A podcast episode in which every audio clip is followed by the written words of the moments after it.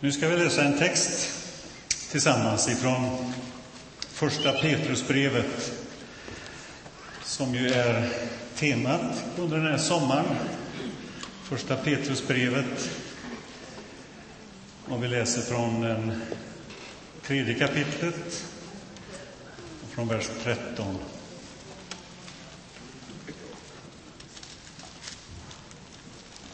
Ska vi stå upp när vi läser den här texten? Vi läser in i kapitel 4.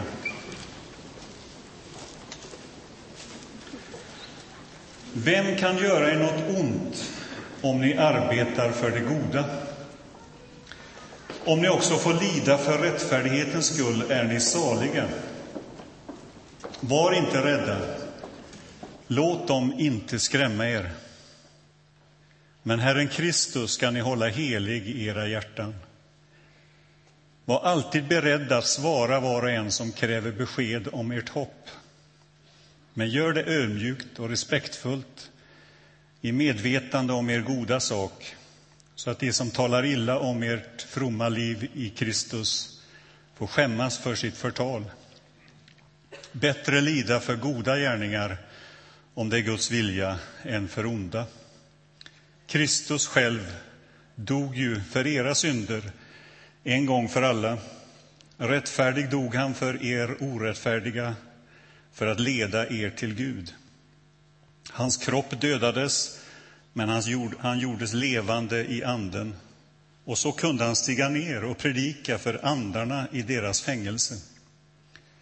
De hade en gång vägrat att lyssna när Gud tålmodigt väntade i Noas dagar medan arken byggdes, i vilken några få, bara åtta människor, räddades genom vattnet. På motsvarande sätt räddas ni nu av vattnet i dopet, som inte innebär att kroppen görs ren från smuts, utan att man med gott uppsåt vänder sig till Gud.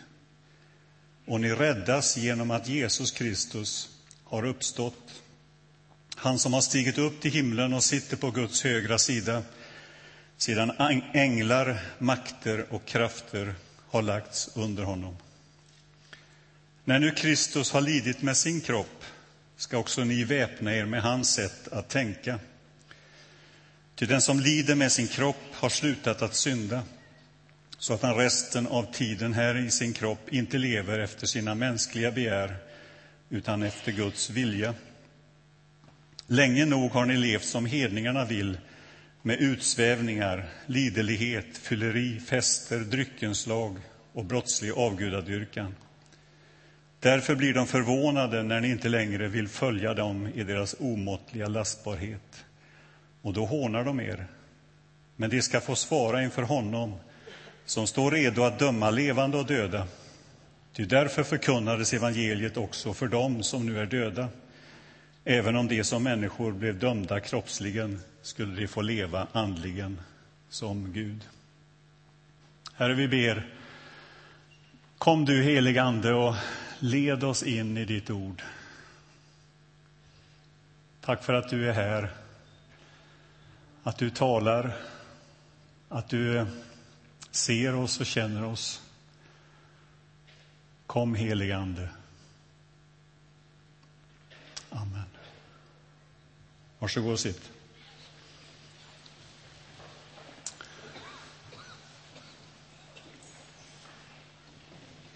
När någon människa, precis det som vi har varit, fått vara med om här idag, två berättelser om vad som händer när man möter Jesus.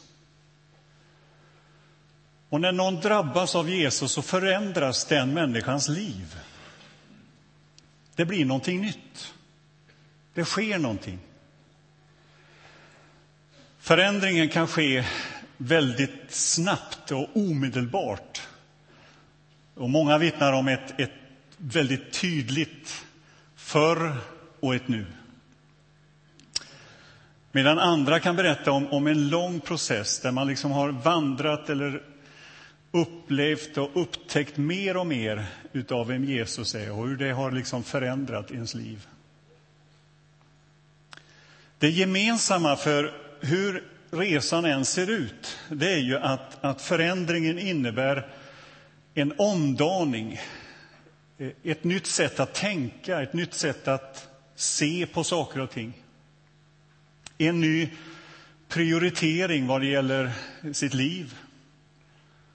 Att det allt mer blir så att säga en, en fråga om vad vill Jesus med mitt liv? Eh, Eh, Petrus som har skrivit det här brevet som vi läser ifrån var ju, är ju också ett sånt här tydligt exempel på vad som händer när en människa möter Jesus. Den eh, starka personlighet som Petrus visar upp, eh, den framfusige, den spontane. Han möter Jesus. Han blir förändrad. Och Jesus säger inte nej till den personligheten, utan han använder den personligheten, men nu med ett helt nytt innehåll, en ny inriktning. Och Jesus säger till Petrus, det är på dig jag ska bygga min kyrka eller min församling. Du är, du är klippan. Och den människa som möter Jesus upplever på något sätt att, att självupptagenheten avtar och intresset för Jesus tilltar. Och kallelsen blir ju då inte någon slags börda att nu måste du leva på det här sättet, utan det blir någonting annat. Det blir, jag vill leva så nära Jesus som möjligt. Jag vill lära känna honom, hans liv, vem han är.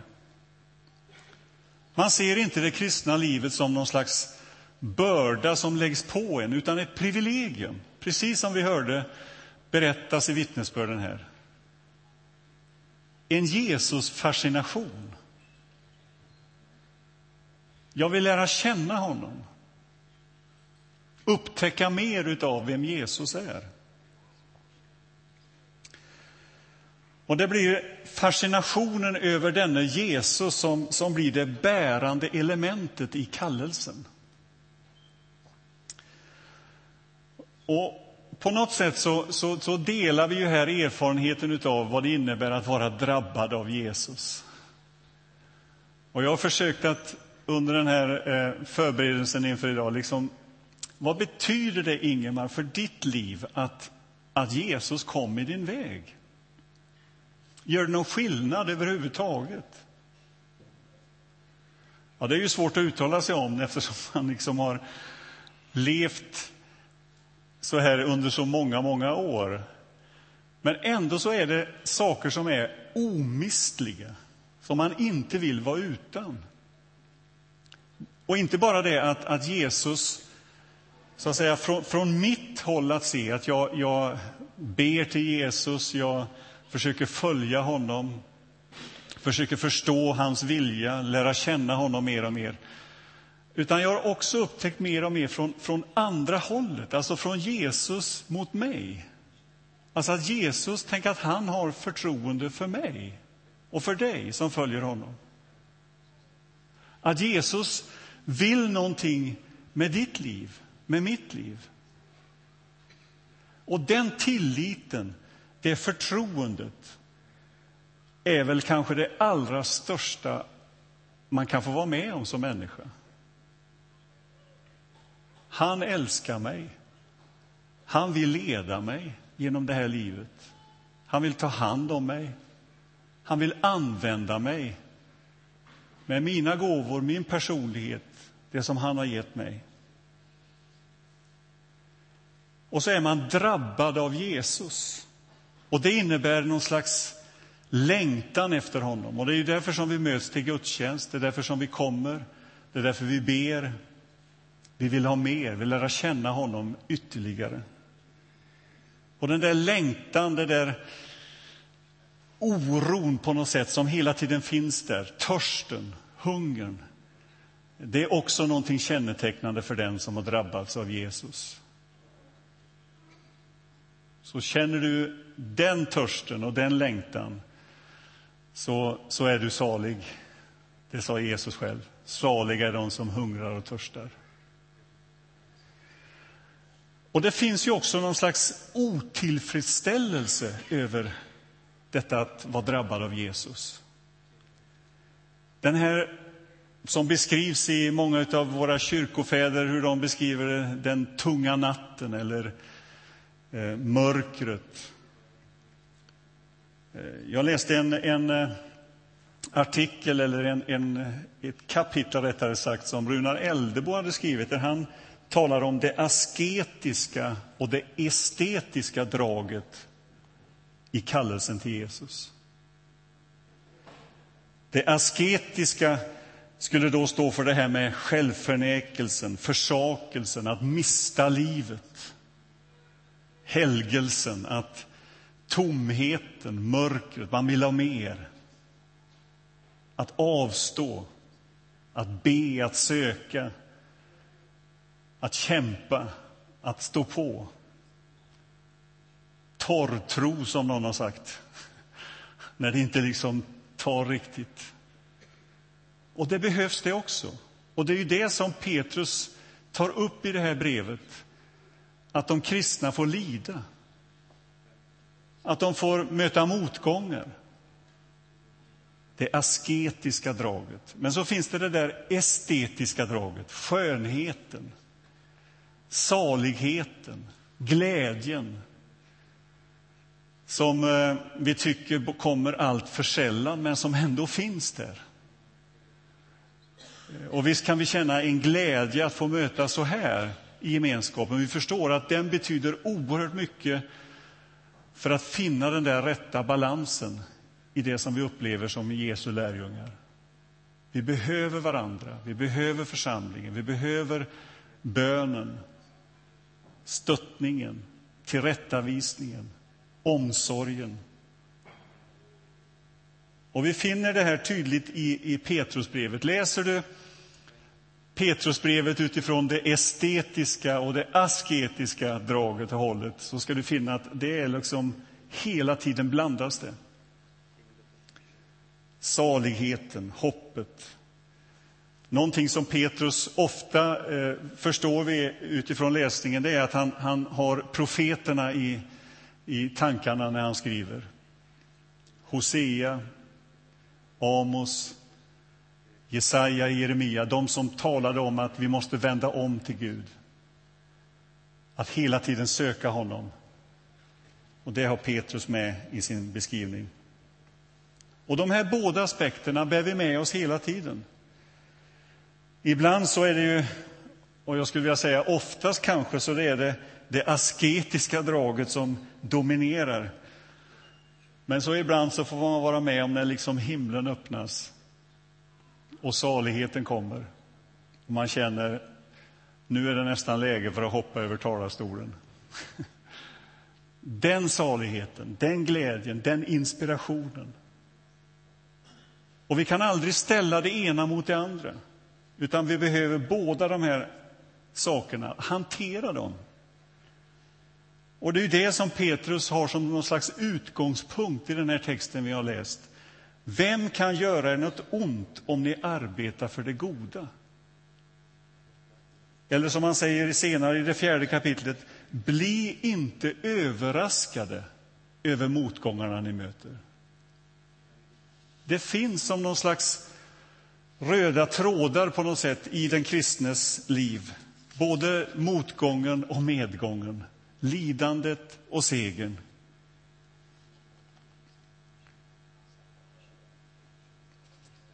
Och det är det som händer när vi, när vi möter Jesus och drabbas av Jesus. Både en törst och en mättnad. Både en längtan och att ha, få komma fram. Både att ha mött Jesus och att få tag på honom ännu mer. Jag vill lära känna Jesus. C.S. Lewis har ju beskrivit det som att det är som att gå igenom en garderob in i ett land som kan heta Narnia. Man ser det man aldrig har sett, hör det man aldrig har hört och förstår det som man aldrig har förstått tidigare. Och en verklighet man aldrig har sett tidigare blir helt plötsligt en realitet. Och så var det för Petrus, som skriver Hans liv blev förändrat, hans inriktning blev en annan. Och han beskriver det i början på sitt brev Välsignad är vår Herre Jesu Kristi Gud och Far. I sin stora barmhärtighet har han fött oss på nytt till ett levande hopp genom Jesu Kristi uppståndelse från de döda. Han har fått tag i det. Och vad Petrus säger det är ju att från den dag vi mötte Jesus så har allt förändrats. Nu är vi indragna i en berättelse som handlar om vad Gud gör i den här världen. Guds rike är här, det goda har segrat över det onda och vi är medarbetare för det goda. För allt det som Gud vill med alla människor, med den här skapelsen, med hela världen. Och så säger han att det är faktiskt på det här sättet att det goda överväger det onda jag möter.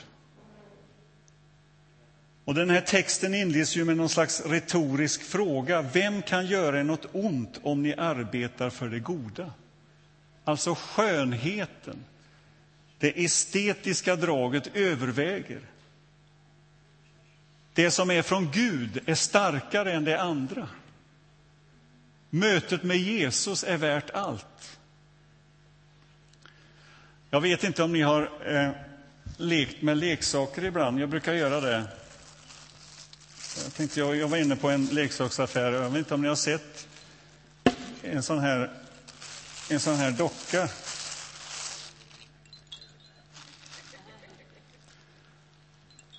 Och det här tänkte jag på när, när jag läste den här texten. Alltså, vad händer om man puttar på den? Jo, den reser sig upp ändå. Har ni sett det? Sån här tycker säkert mina barnbarn om. Alltså, den reser sig upp ändå. Och den bilden kom för mig när jag läste den här texten. Alltså, vi har fått någonting som väger tyngre. För här handlar det om, om vikt. Eh, alltså att det finns en tyngd som gör att även om man möter motgången, svårigheten, så reser den sig ändå. Och jag vet inte om Petrus hade sett den här i affären han skrev det här brevet, men jag tycker att det, det är en bild utav, alltså visst, den ramlar i kull, men den reser sig igen. Den möter motgångar, men den kommer upp igen. Och det är klart att, att det här är lätt att säga och det är lätt att liksom säga när det kanske går, går väldigt bra, när man står upprätt. Eh, men, men det är det som man säger, alltså det goda Jesus har gett, den skönhet som han har gett oss, väger tyngre än det som vi kan möta av motgångar och svårigheter. Visst, den faller, men den reser sig. Och lidandet och motgångarna kommer vi aldrig undan. Det regnar på oss precis som på alla andra. Vi möter motgångar i livet och svårigheter. Men det bärande draget är just fascinationen att Jesus har drabbat våra liv. Och att vinna honom är värt allt. Det gör att jag kan resa mig på nytt. Och lägg märke till i den här texten, jag har skrivit under med en penna, det får man göra i biblar. Kanske inte i de här som ni har nu, men i era egna. Eh, skriv ett streck under Jesus Kristus, i honom. Han, liksom hur Petrus hela tiden hänvisar till Jesus.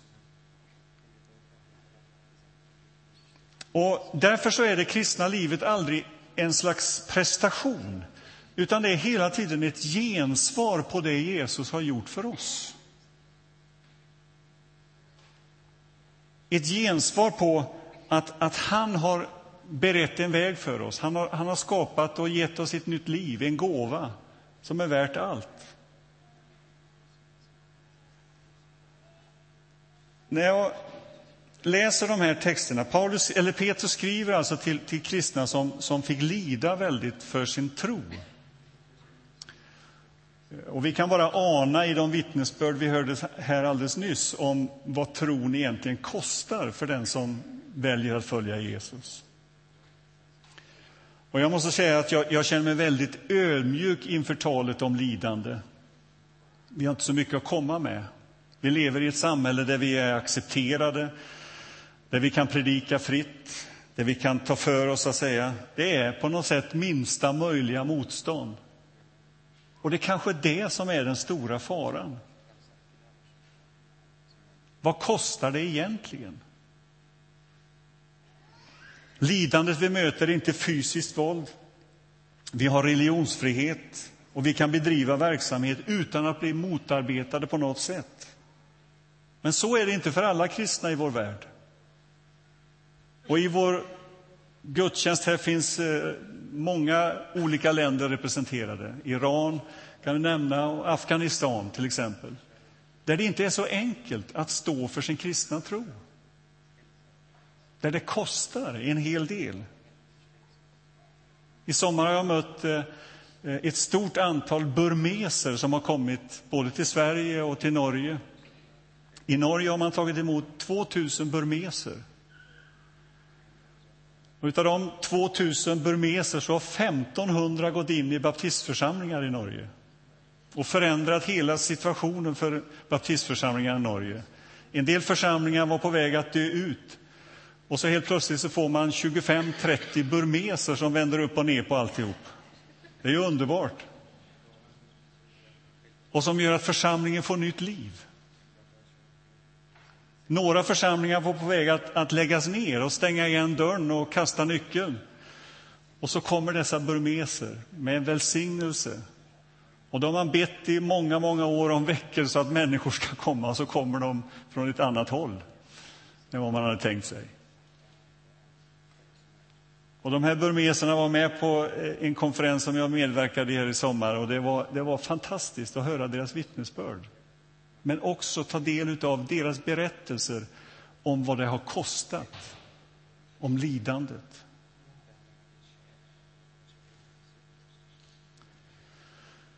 Och jag önskar att vi, vi som församling ska, ska ta del utav, utav dessas berättelser och framför allt deras liv. Det påverkar oss.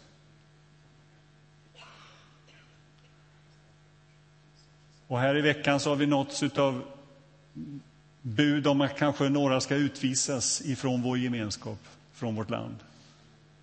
Och det smärtar oerhört.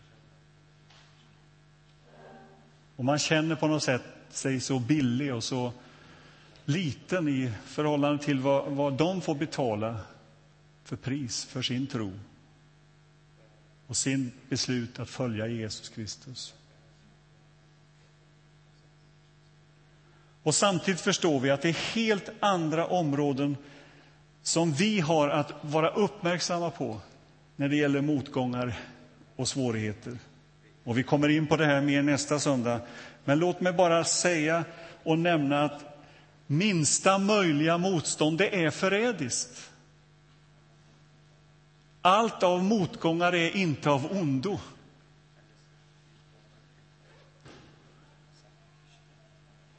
Allt vår välfärd kan lura oss, att materialismen kan äga oss. Att det förrädiska är att tyngden kanske hamnar på fel ställe i våra liv. Att jag väger för lätt när motgångarna kommer. Det finns ett uttryck i den här texten vi har läst i vers 15. Men Herren Kristus ska ni hålla helig i era hjärtan. Man skulle kunna översätta den raden med de här orden att vi faktiskt lever våra liv inför Gud. Vi lever alla våra liv inför Gud. Hur helig som helst är ju temat för de här predikningarna. Och Jesus har kommit i vår väg. Och från den stunden så lever vi våra liv inför Gud. Det är inför honom vi ska göra räkenskap. Det är inför honom våra liv utspelas. Och det säger mig två saker. För det första att det handlar om våra hjärtan i första hand. Alltså vad jag gör när ingen ser mig. Hur lever jag mitt liv? Lever jag på ytan eller lever jag i centrum på något sätt? Alltså, vad gör jag när ingen ser mig? Hur ser mitt liv ut då? Finns det en, en, en, en bro mellan det livet jag lever när ingen ser mig och det livet jag lever när andra ser mig? Finns det en, ett samband? Eller finns det ett mellanrum? För det andra så säger mig detta att vi lever våra liv inför Gud, att det handlar om tid och rum, alltså 24 timmar om dygnet och överallt. Alltså, vi är heliga hela tiden. Inte bara då, inte bara några timmar på söndag förmiddag, utan vi är heliga alltid. Vi lever alltid inför Gud.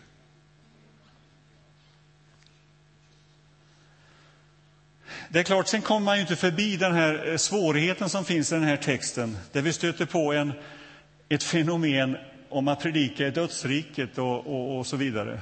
Eh, och det är klart att det är inte lätt att förklara. Eh, Luther han skrev en kommentar 1539 om den här texten. Och han sa så här, jag förstår det inte och jag kan inte heller utlägga det och ingen annan har heller gjort det. Alltså det är, vi, vi, vi möter här en, en eh, ord och meningar som, som övergår vårt förstånd och vår begreppsvärld. Alltså vad Jesus gjorde när han dog. Och de här orden och utläggningen som är leder till en mängd frågor. Vad han predikade för någonting och var predikade han? och när det skedde och för vilka predikade han? Och jag brukar säga så här, när man läser Bibeln så ska man läsa Bibeln som man äter fisk.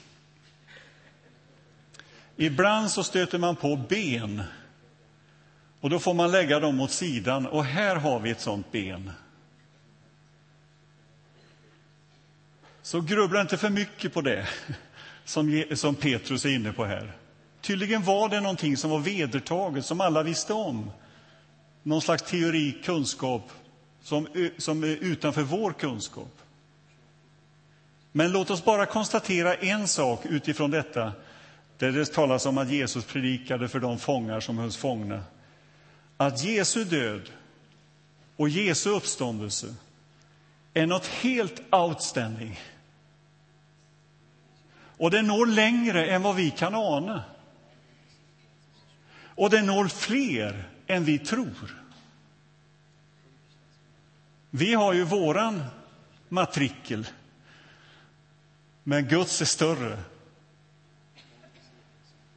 Och de som levde på Noas tid får konfronteras med Jesu budskap om frälsning och dom. Och hur de tog emot det, ja, det vet ingen om.